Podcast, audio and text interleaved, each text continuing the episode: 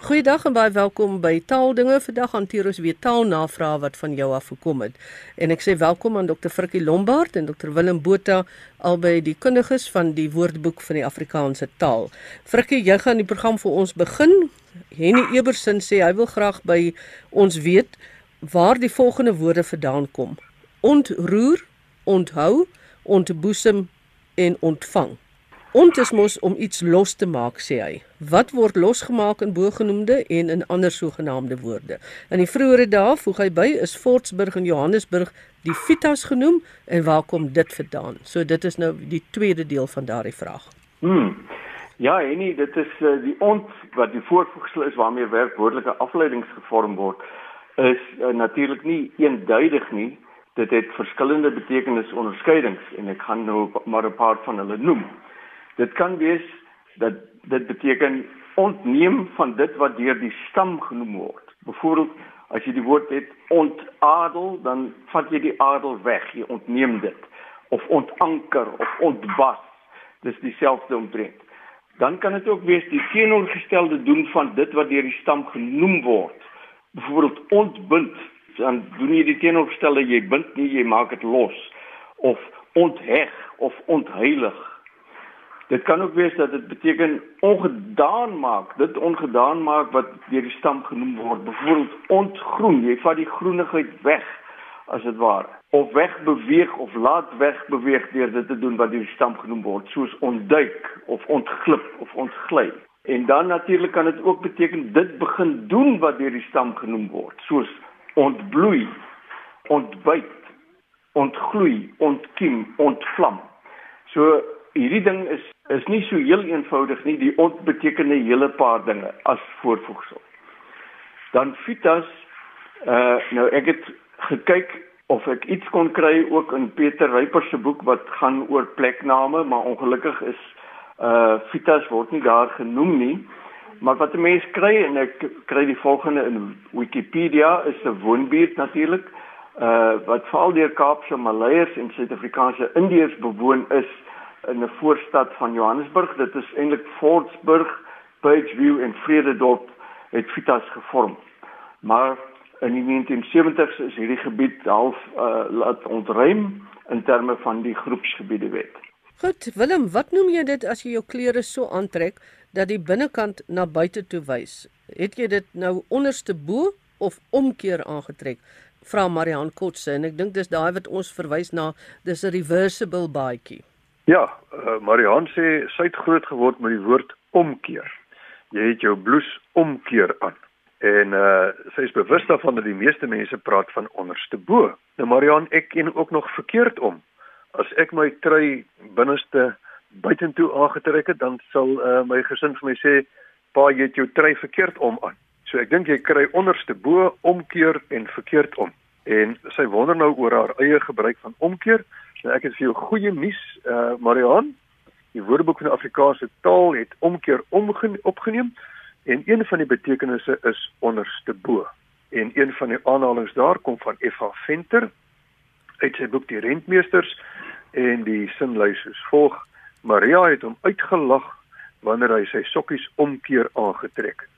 Daar's ook nog 'n aanhaling: As die verkeerde kant van 'n kledingstuk bo is, dan is hy omkeer. Met ander woorde, Uh, jy het drie moontlikhede. Jy kan praat van onderste bo, jy kan praat van omkeer en jy kan praat van verkeerd om.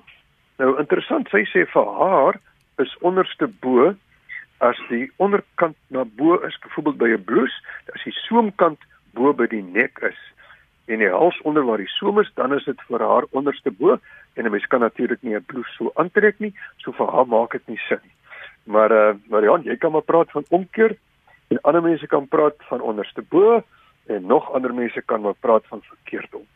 Maar wat nou as 'n mens nou 'n baadjie het wat jy nou binne-in is hy blou geruite blou en buite is hy 'n effe kleur rooi. En eendag wil jy die rooi na buite dra en die ander dag die geruite blou na buite. Ek sal toe. ek sal dit sommer 'n omkeer baadjie noem want jy kan hom enige kant dra. Jy kan hom omkeer as jy wil.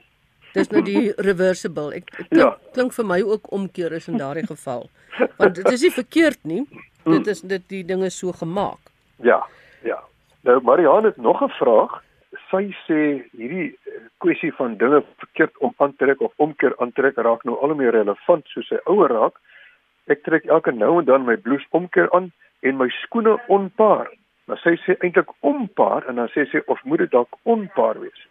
Nou ek sal nou-nou praat oor die onpaar en die onpaar. Maar interessant dat sy sê sy trek haar skoene onpaar aan. Die meeste mense sal sê hulle trek hulle skoene verkeerd om aan. Maar dan is dit wanneer jy die linkerskoen aan die regtervoet het en die regtervoet aan die linker uh die regterskoen aan die linkervoet. Maar dis nie waarvan sy praat nie. Sy praat van wanneer jy twee skoene aantrek wat nie 'n paar is nie. En ons sê dan maar gewoonlik uh, jy het 'n onpaar skoene aan. Maar sy sê ek dra my skoene onpaar wat vir my 'n baie vernuwende gebruik is en ek kry dit in geen woordeboek nie, maar Marihan regtig is so mooi. Ek dink jy kan maar so praat. Nou dan haar vraag, uh, sy sê sy dra dit onpaar of moet dit dalk onpaar wees? Nou Marihan, ons spel dit onpaar, maar die meeste mense sê dikwels onpaar. Dit is nou maar net 'n eenvoudige verskynsel van assimilasie waar die n in 'n m verander en daar's 'n baie goeie rede voor. Ons is maar almal 'n bietjie lui as ons praat. So dis makliker om te sê onpaar as onpaar. Nou hierdie vorm van assimilasie behels dat die n onder invloed van die p 'n m word. Want beide die m en die p word met die lippe gevorm. Hm, 'n p. So dis baie maklik om hulle net na mekaar te vorm. As jy nou die n voor die p moet vorm, dan moet jy jou tong ook inspann en net om agter jou tande vasdruk om die n uh, klank te kry. So hierdie is maar 'n vorm van spraakluid. Dis absoluut algemeen in Afrikaans. Jy kry dit ook by onbeskof wat ons uitpreek as onbeskof of Stellenbosch wat word Stellenbosch. Dis elke slag die invloed van die B op die N. Willem, ek weet nie of jy nog altyd 'n prys het vir 'n nuwe woord nie. Maar ek het sopas gedink aan 'n goeie woord vir 'n reversible baadjie en dit is alkant baadjie. Alkant baadjie, pragtig. Mm. Pragtig, pragtig. Ja. Wanneer stuur jy my prys? mooi man. Goed, Frikkie, kom ons gaan aan na jou toe. Ons gebruik die woord pluimpie as iemand iets goeds doen. Ons gee ook komplimente as iemand iets goeds doen en wat dan van die werkwoord komplimenteer? Ek gebruik baie die woord pluimpifiseer wat so mooi pas vir iemand as jy iemand 'n pluimpie gee. Ek luister in Australië na julle besprekings en wat dink julle van pluimpifiseer? En dis Malan van Sail wat so sê.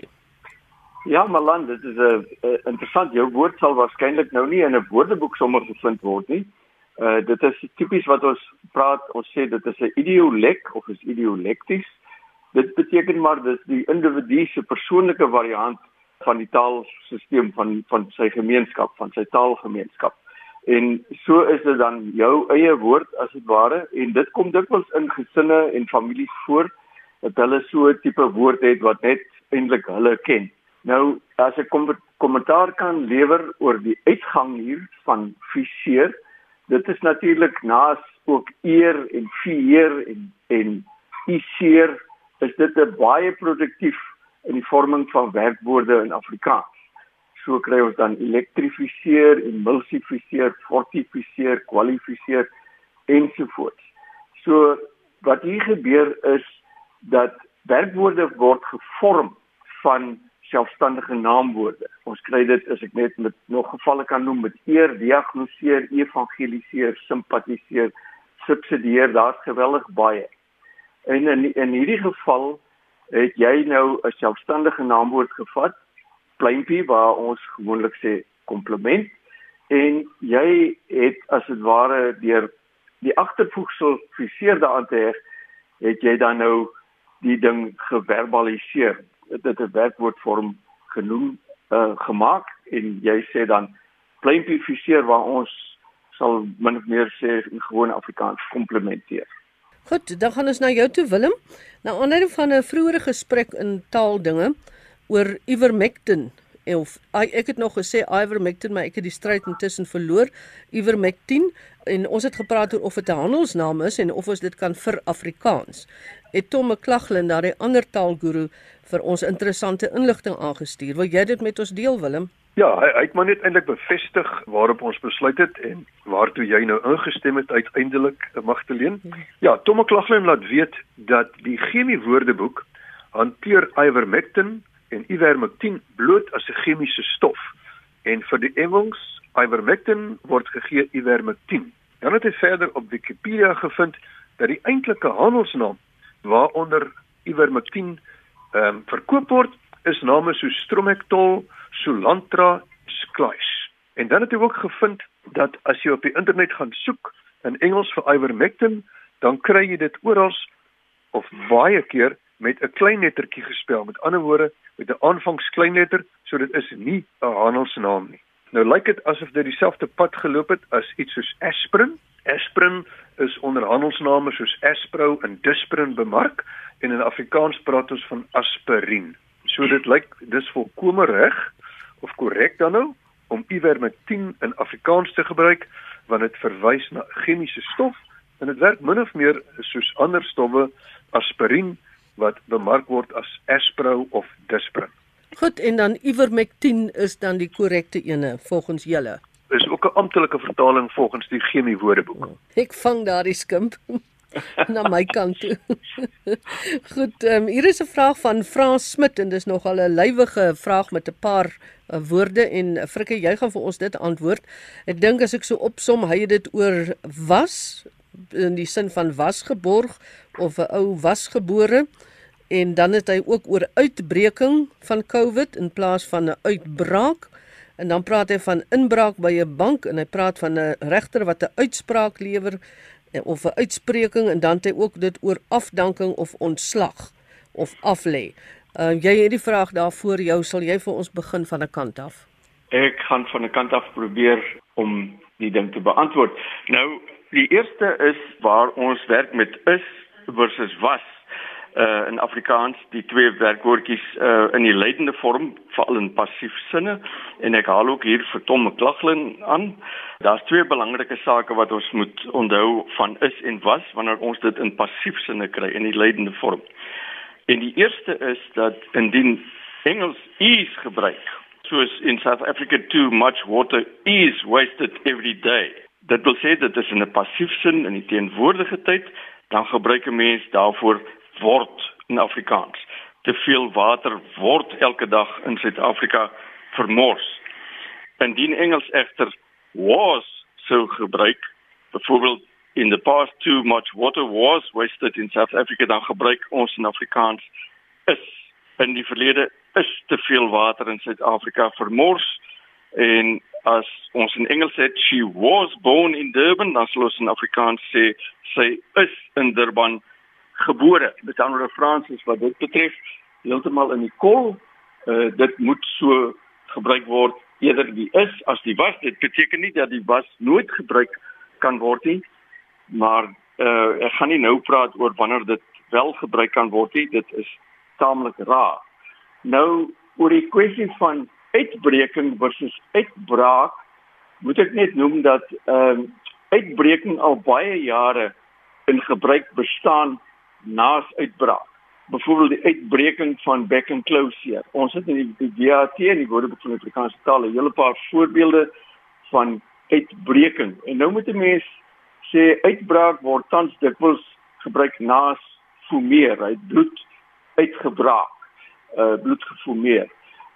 En mens moet ook sê net omdat 'n mens van inbraak en uitspraak praat eerder as van inbreking en uitspreking beteken dit nie dat dit al patroon is wat gevolg behoort te word nie. En dit beteken ook nie dat uitbraak as woord onaantastbaar is nie.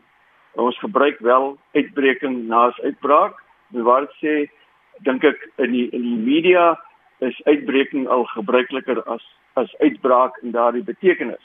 Nou dan het hy dit ook oor wanneer 'n eienaam 'n afleiding kan neem, moet 'n mens dit gebruik. Soos jy moet sê die Johannesburgse munisipaliteit die Bellville Stadskouburg, die Berlynse Filharmoniese Orkees, nie die Berlyn Filharmoniese Orkees. Maar dit is nie altyd moontlik of sonder dubbelsinnigheid nie. Daarom praat 'n mens uh miskien eerder van die Afrika Unie en 'n Afrika taal as die Afrikaanse Unie of die Afrikaanse taal en jy haal daardie dubbelsinnigheid weg wat kan bestaan. Jy sal ook eerder praat van die strand munisipaliteit, nie die strand se munisipaliteit nie of die Griekwa op opperhoof, nie die Griekwa se opperhoof nie. Nou in die laaste wat hy genoem het, het hy gesê uh ons moet praat eerder van ontslag as van aflegging. Nou weer eens hier is die ding nie so heel eenvoudig nie. In die arbeidsomgewing is daar verskillende vertalings moontlik vir die verskillende maniere waarop jy jou werk kan verloor. Jy kan byvoorbeeld afgedank word of ontslaan word. Die Engels praat van dismiss en 'n dismissal. En dit is eintlik taamlik negatief want jy het jou werk dan verloor waarskynlik omdat jy oneerlik was, gesteel het of lui was of iets van die aard. Maar dan kry jy iets soos retrenchment wat saamgaan met besuinigingsmaatreëls. En dit is eintlik waar aflegging dan gebruik word. Dit is dan nie negatief, dis gewoonlik eintlik maar net hartseer as mense afgelê word van die ekonomiese omstandighede. Verder moet 'n mens in gedagte hou dat aflegging is 'n afgeleide woord van aflê. En aflê het 'n hele klomp betekenismoontlikhede. Die nuwe hart gee sewe verskillende betekenisonderskeidings en 'n mens kan aflegging ook in al hierdie betekenisonderskeidings aanwend. Laat ek 'n voorbeeld gee. Aflê kan beteken laat vaar of opgee. Jy kan 'n slegte gewoonte aflê, maar jy kan ook praat van die aflegging van jou slegte gewoontes. Aflê kan ook beteken doen of verrig. Jy kan 'n aflê uh, eksamen byvoorbeeld aflê. Die aflegging van 'n eksamen, dis moontlik. Een wat baie gebruik word is waar jy iets plegtig opsê 'n gelofte of 'n belydenis. Nou ons praat ook van die aflegging van 'n gelofte of 'n belydenis. Of die aflegging van 'n groot afstand. Dit is aflê is beteken voltooi deur te beweeg. Dus 'n mens moet bietjie weier kyk na die taal uh en die moontlikhede en die nuances wat daar is, maar nie te dogmaties wees oor sekere goed net omdat dit 'n lang tyd met ons saamkom en ons geleer is dat dit so en net so gebruik moet word nie. Net oor daardie is en was, solank soos wat ek in uitsaai is, kom dit al saam met ons. Mm. En dit is asof 'n mens net nie 'n wenresep kry om te verduidelik hoekom dit so is nie. En ja. selfs kliënte wat eh, wat ons nou noem live reads, borgskappe het wat moet gelees word. Ons moet ja. gedurig deur dit verander. Hoe gaan 'n mens maak dat mense wat is daar wat eenvoudig is dat mense verstaan dit is die meeste van die tyd is? Nee, ek dink dit is wat 'n mens die boodskap wat 'n mens moet gee is luister die verstek amper moet maar wees is wanneer dit in die passief is of in die leidende vorm. Dit is gedoen, nie dit was gedoen nie. Dit jy weet dit sy is gebore, dit is gedoen ensovoorts. Gebruik is Goed, ons gaan kyk of dit gaan werk. Ek dink ons het tyd vir nog so een vraag wat ons na Willem se kant toe gaan gooi. Willem, wat is die oorsprong van die idioom na iemand se pype dans? En dit is Louis van der Westhuizen wat so vra. Ja, Louis is daar van Priska se wêreld. Dit is lekker om 'n navraag van Priska op te kry. Ja, om na iemand se pype te dans beteken natuurlik om alles te doen wat iemand anders wil hê. Jy's baie inskikkelik en ek het bietjie gaan kyk in Anton Prinsloo se spreekwoorde en waar hulle vandaan kom en hy verduidelik dat die pyp verwys na 'n musiekinstrument waarskynlik die horrelpyp wat 'n soort doedelsak is. Nou die spreker daarvan het bepaal hoe die mense moes dans. So hoe vinniger of stadiger die speler gespeel het, hoe vinniger of stadiger die mense gedans. En dit het gelei tot die uitdrukking um, na iemand se pype dans. Maar dan het hy 'n tweede vraag daar. Hy sê ek sien ook na 'n antler se pype dans. Nou hierdie vraag van Louis slaan my 'n bietjie dronk. Antler is Engels uh, vir 'n horing of 'n tak.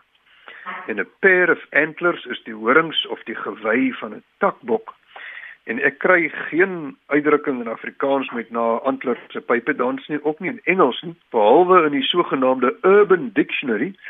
Nou dis 'n woordeboek van informele taalgebruik kry jy die antler dans nou die antler dans is wanneer iemand paniekerig rondhardloop is 'n paniekerige rondhardlopery sonder om iets konstruktiefs te doen. Jy swai jou arms dat jy lyk soos 'n takbok met horings maar jy kry nie jouself om iets regtig te doen nie.